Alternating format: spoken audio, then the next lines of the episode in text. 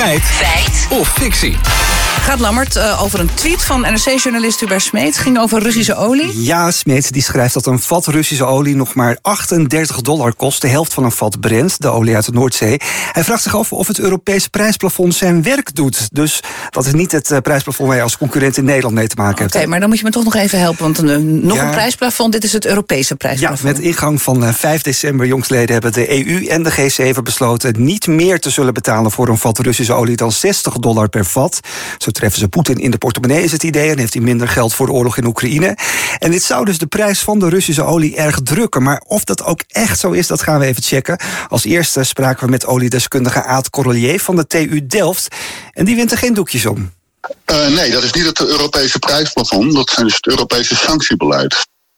Want uh, Europa heeft natuurlijk afgelopen jaar, maar met name uh, recentelijk besloten om geen Russische olie meer in te kopen. Nou, dat heeft wat moeite gekost om dat inderdaad voor elkaar te krijgen, zodat de raffinaderijen konden overschakelen naar andere soorten olie die elders vandaan kwam. Maar dat betekent dus dat de Russen uh, die olie niet aan Europa meer kwijt konden. En een groot gedeelte van de oeralolie die werd naar Europa verscheept. En dan met name naar Rotterdam. Oké, okay, maar is er dan sprake van een prijsplafond en van een boycott? Want als je het één hebt, dan, dan heb je het ander toch niet meer nodig? Ja, dat klinkt inderdaad logisch. Nou, dat legt Kobi van der Linden uit, de directeur van het Klingendaal International Energy Program. Het initiatief voor het Europese prijsplafond komt vooral van G7-lid Amerika. Het G7 olieprijsplafond is, is ook overgenomen door de EU. Maar de EU is ook doorgegaan. Hè, die heeft dat prijsplafond van de G7 uh, geldt ook. Uh, maar die hebben daar in aanvulling daarop ook nog uh, die, dat importverbod. Ja, Van der Linden is het met Collier eens dat de lage prijs van oeralolie vooral door andere dingen komt. Op dit moment is vooral de, de, de zachtheid van de Chinese markt, waar uh, veel van de Russische olie die is uh, in het afgelopen jaar al richting uh, Azië gegaan, naar India, maar in toenemende mate ook China.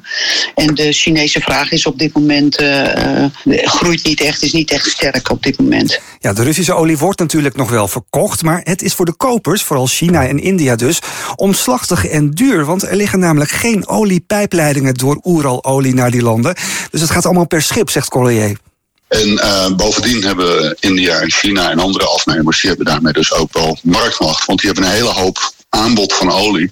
En die kunnen daar dus lagere prijzen voor onderhandelen. En dat betekent dat die Russen die olie wel kwijt kunnen, maar verminderd met de veel hogere transportkosten. En ook uh, inderdaad in een situatie waarin ze niet um, zeg maar de, de volle prijs kunnen vragen voor die olie. Ja, en dan zeg je India en China, die zijn natuurlijk ook niet gek. Die nee. weten wel dat Rusland zijn olie nu heel lastig kwijt kan. En dan kun je toch wel wat korting afpingelen. Ja, precies. En Rusland heeft wat dat betreft ook nog te maken met concurrentie.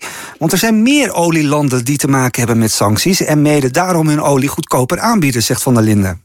De, de, de kortingen op uh, Iraanse en Venezolaanse olie, die ook niet zo heel veel markten kunnen bedienen vanwege de sancties, uh, dat die dus heel hard concurreren met, uh, met de nieuwe stromen uit Rusland in Azië.